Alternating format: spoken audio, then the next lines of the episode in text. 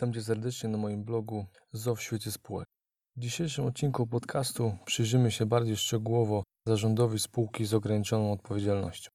Przyglądając się strukturze organizacyjnej spółki ZO, możemy wyróżnić trzy rodzaje organów. Po pierwsze, zgromadzenie wspólników jako organ o charakterze uchwałodawczym, będący najwyższą władzą spółce. Po drugie, zarząd spółki jako organ o charakterze wykonawczym i po trzecie Rada Nadzorcza lub Komisja Rewizyjna jako organy o charakterze kontrolnym.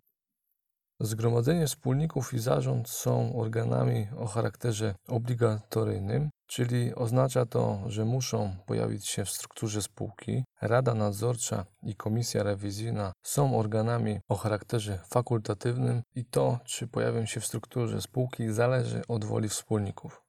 Obowiązek ustanowienia jednego z tych organów pojawia się w sytuacji, gdy kapitał zakładowy spółki przewyższa kwotę 500 tysięcy złotych i jednocześnie w spółce pozostaje ponad 25 wspólników.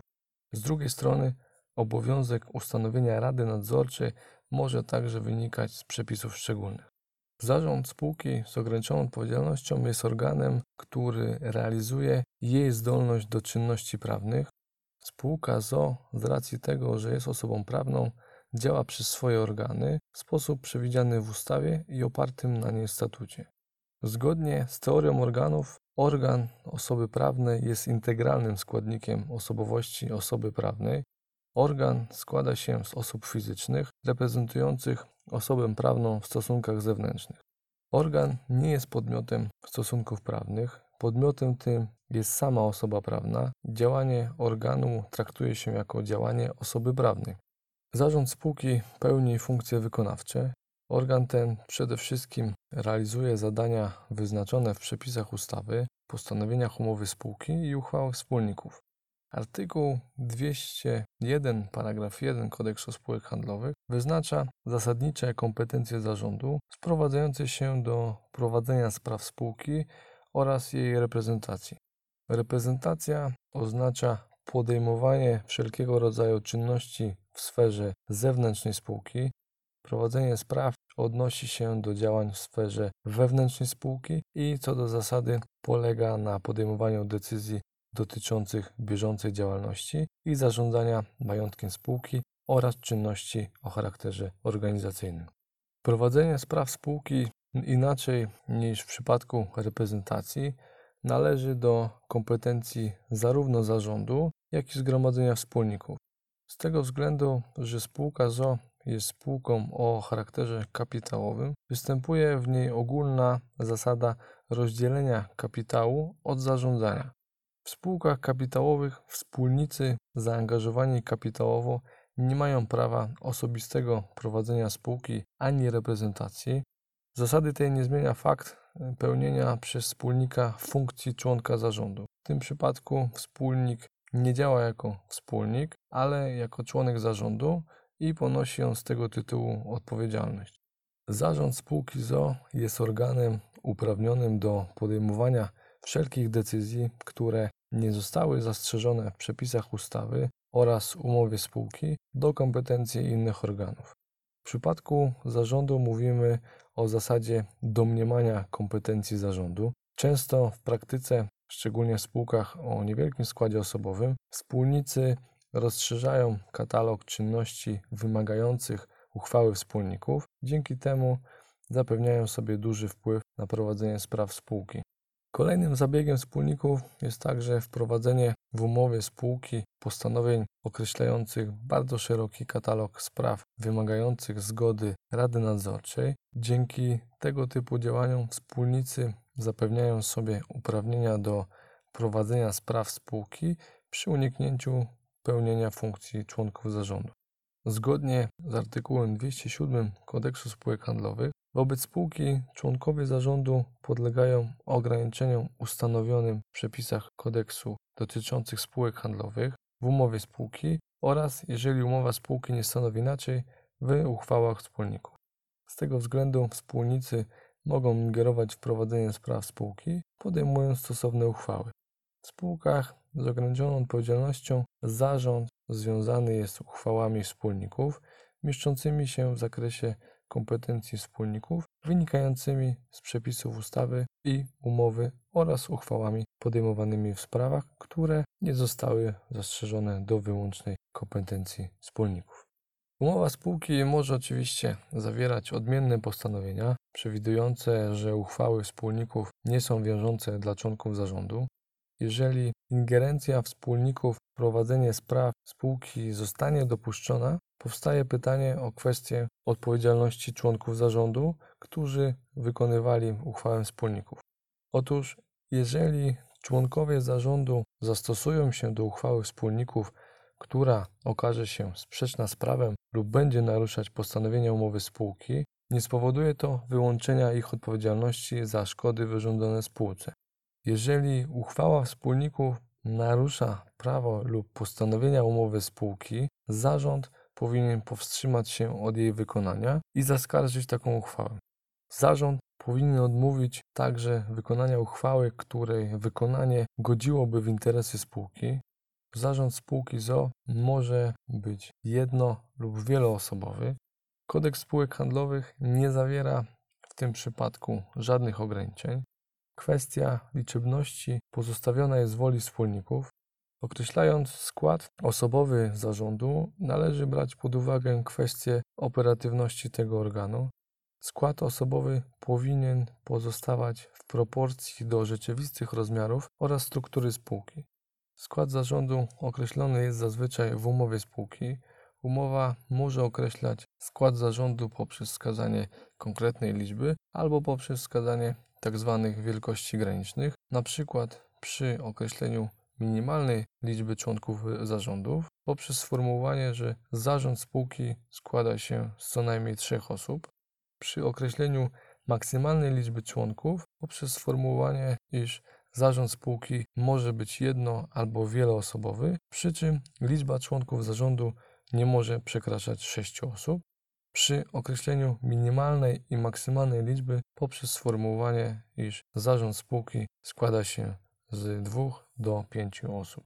Uniknięcie sztywnego określenia składu osobowego zarządu pozwoli na uniknięcie wystąpienia tzw. Tak zarządu kadłubowego, niezdolnego do skutecznego działania w imieniu spółki na skutek m.in. przedterminowego wygaśnięcia mandatu jednego z członków.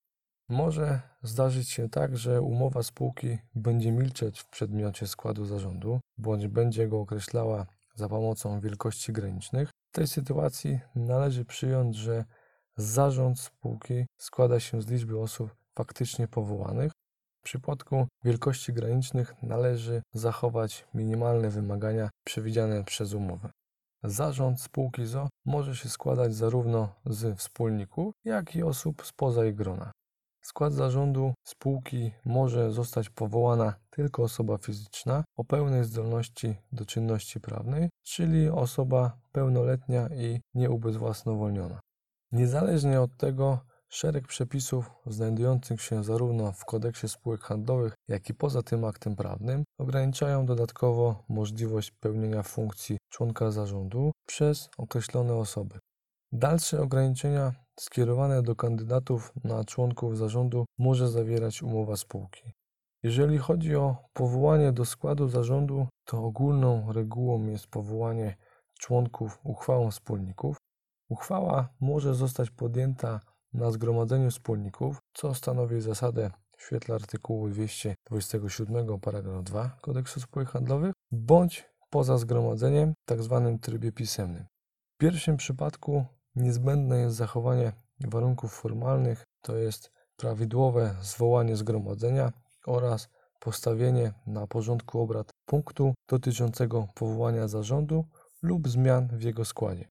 Aby uchwała była skuteczna, musi zostać podjęta bezwzględną większością głosów.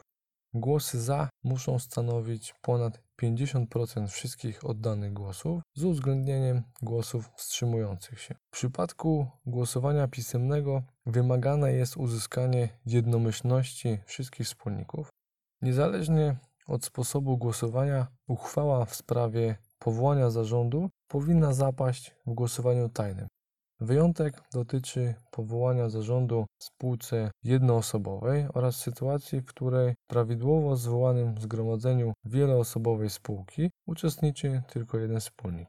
Jeżeli mamy do czynienia ze spółką nowo zawiązywaną, to ustanowienie zarządu konieczne jest już na etapie organizacyjnym, bowiem już w stadium spółki w organizacji zarząd jest zasadniczym organem uprawnionym do jej reprezentacji i tylko zarząd może dokonać skutecznego zgłoszenia spółki do rejestru przedsiębiorców. W praktyce członków pierwszego zarządu spółki powołuje się jednocześnie przy zawieraniu umowy spółki. Zasady powoływania wszystkich czy też niektórych członków zarządu mogą zostać zmodyfikowane w umowie spółki. Umowa spółki może wprowadzać odmienne regulacje polegające m.in. na wprowadzeniu wymogu kworum dla ważności uchwały zgromadzenia wspólników, przyznaniu prawa powoływania członków zarządu innym organom niż zgromadzenie wspólników, czyli np. Radzie Nadzorczej bądź Komisji Rewizyjnej, przyznanie prawa powoływania członków zarządu wspólnikom lub innym grupom określonym imiennie lub przy pomocy reprezentacji kapitałowej oraz przyznanie prawa powoływania niektórych członków zarządu osobom trzecim. Powołanie zarządu należy zgłosić właściwemu sądowi rejestrowemu z wnioskiem o dokonanie wpisu w rejestrze przedsiębiorców KRS. W przypadku pierwszego zarządu jego zgłoszenia dokonuje się jednocześnie ze zgłoszeniem samej spółki. W przypadku zmiany kolejnego zarządu zgłoszenia należy dokonać w terminie 7 dni od dnia zmiany składu zarządu. W przypadku pierwszego zarządu wniosek o wpis do KRS składa się na formularzu KRS WK, który stanowi załącznik do formularza głównego KRS Z3. Przepisy kodeksu spółek handlowych nie nakazują powoływania członków zarządu na okres kadencji oraz nie zakreślają maksymalnego okresu kadencji, a także nie zakazują powoływania członków zarządu na czas nieoznaczony. W zależności od mowy spółki, członkowie zarządu mogą zostać powołani na roczną kadencję, na kadencję dłuższą niż rok oraz na czas nieoznaczony. Umowa spółki może także milczeć co do okresu pełnienia funkcji członka zarządu. Milczenie nie oznacza powołanie na czas nieoznaczony. W tym przypadku wygaśnięcie mandatu członka zarządu następuje ex lege, czyli z mocy prawa, w dacie odbycia zgromadzenia wspólników zatwierdzającego sprawozdanie finansowe za pierwszy pełny rok urzędowania. Wygaśnięcie mandatu członka zarządu może nastąpić w drodze upływu czasu, czyli okresu, na jaki członek zarządu został powołany. Wygaśnięcie może nastąpić także w drodze odwołania, rezygnacji, śmierci albo uznania za zmarłego, bądź utraty zdolności do pełnienia funkcji, czy też wykreślenia spółki z rejestru przedsiębiorców lub otwarcia likwidacji. Jeżeli chodzi o wygaśnięcie mandatu wskutek upływu czasu, to kodeks spółek handlowych wyraźnie rozgranicza sytuację, kiedy umowa spółki nie zawiera żadnych postanowień dotyczących kadencji albo przewiduje wprost kadencję roczną oraz kiedy umowa spółki przewiduje kadencję dłuższą niż rok. W pierwszym przypadku, gdy umowa spółki nie zawiera postanowień dotyczących kadencji albo przewiduje roczną kadencję, mandat członka zarządu wygasa z dniem odbycia zgromadzenia wspólników zatwierdzającego sprawozdanie finansowe za pierwszy pełny rok obrotowy pełnienia funkcji. Jeżeli umowa spółki przewiduje kadencję dłuższą niż rok, wówczas mandaty członków zarządu wygasają z dniem odbycia zgromadzenia wspólników zatwierdzającego sprawozdanie finansowe za ostatni pełny rok obrotowy pełnienia funkcji. W tym przypadku ma to być ostatni pełny rok obrotowy w ramach kadencji. Trzeba zwrócić uwagę, że przepisy artykułu 202 paragraf 1 i 2 Kodeksu spółek handlowych są przepisami o charakterze względnie obowiązującymi, czyli umowa spółki może zawierać postanowienia odmienne, przyjmując inną datę wygaśnięcia mandatu członka zarządu. W kodeksie spółek handlowych pojęcie kadencji odnosi się nie do całego organu, ale do jego poszczególnych członków. Zatem z chwilą powołania członków zarządu dla każdego z nich biegnie odrębna kadencja. Kompetencje do odwołania członka zarządu posiadają wspólnicy spółki z ograniczoną odpowiedzialnością, ale tutaj znowu umowa spółki może przewidywać odmienne zasady. Nawet jeżeli umowa spółki będzie wskazywać inny podmiot jako uprawniony do odwołania zarządu, wspólnicy zachowują prawo odwołania członka zarządu z co najmniej ważnych powodów. Uchwała wspólników w sprawie odwołania członka zarządu musi odpowiadać wszystkim wymaganiom przewidzianym dla uchwały powołującej w jego skład. Członek zarządu co do zasady może zostać odwołany w każdym czasie, czyli także przed upływem kadencji i bez ograniczenia jakąkolwiek przyczyną. Umowa spółki ZO może regulować tę sytuację odmiennie, m.in. ograniczyć możliwość odwołania, w odniesieniu do rezygnacji, czyli kolejnego przypadku wygaśnięcia mandatu członka zarządu, zastosowanie odpowiednio znajdą przepisy o wypowiedzeniu zlecenia przez przyjmującego zlecenie. Rezygnacja jest jednostronnym oświadczeniem woli członka zarządu. Nie jest wymagane przyjęcie jej przez spółkę, wystarczy, że dotrze ona do adresata.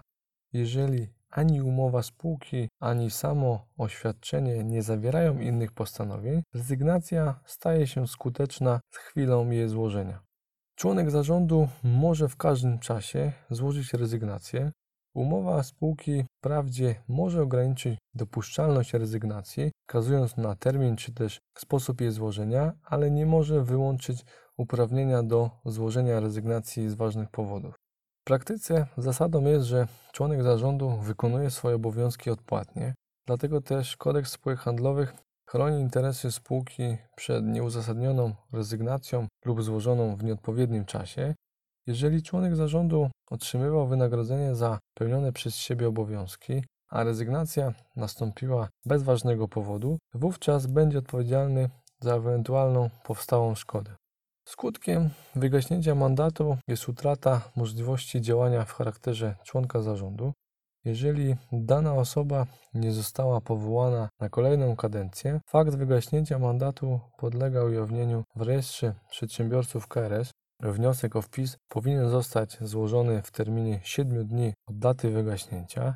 W praktyce wygaśnięciu mandatu członka zarządu towarzyszą zmiany personalne w jego składzie, wówczas w jednym zgłoszeniu można również złożyć wniosek o wpis nowego składu. Wygaśnięcie mandatu członka zarządu co do zasady nie wywiera bezpośrednich skutków w stosunku zatrudnienia. Dla rozwiązania łączącego członka zarządu i spółkę w stosunku pracy potrzebne jest wypowiedzenie umowy o pracę na zasadach przewidzianych w kodeksie pracy. Utrata statusu członka zarządu może uzasadniać rozwiązanie umowy stanowiącej podstawę zatrudnienia w spółce. Wpływ wygaśnięcia mandatu na stosunek pracy będzie zależał od treści łączącej strony umowy. Umowa może zostać zawarta na przykład na czas określony na okres pełnienia funkcji członka zarządu. Dopuszcza się także wprowadzenie klauzuli o wygaśnięciu umowy z chwilą odwołania członka zarządu. W dzisiejszym odcinku to wszystko. Dziękuję za uwagę. Zapraszam do śledzenia kolejnych odcinków.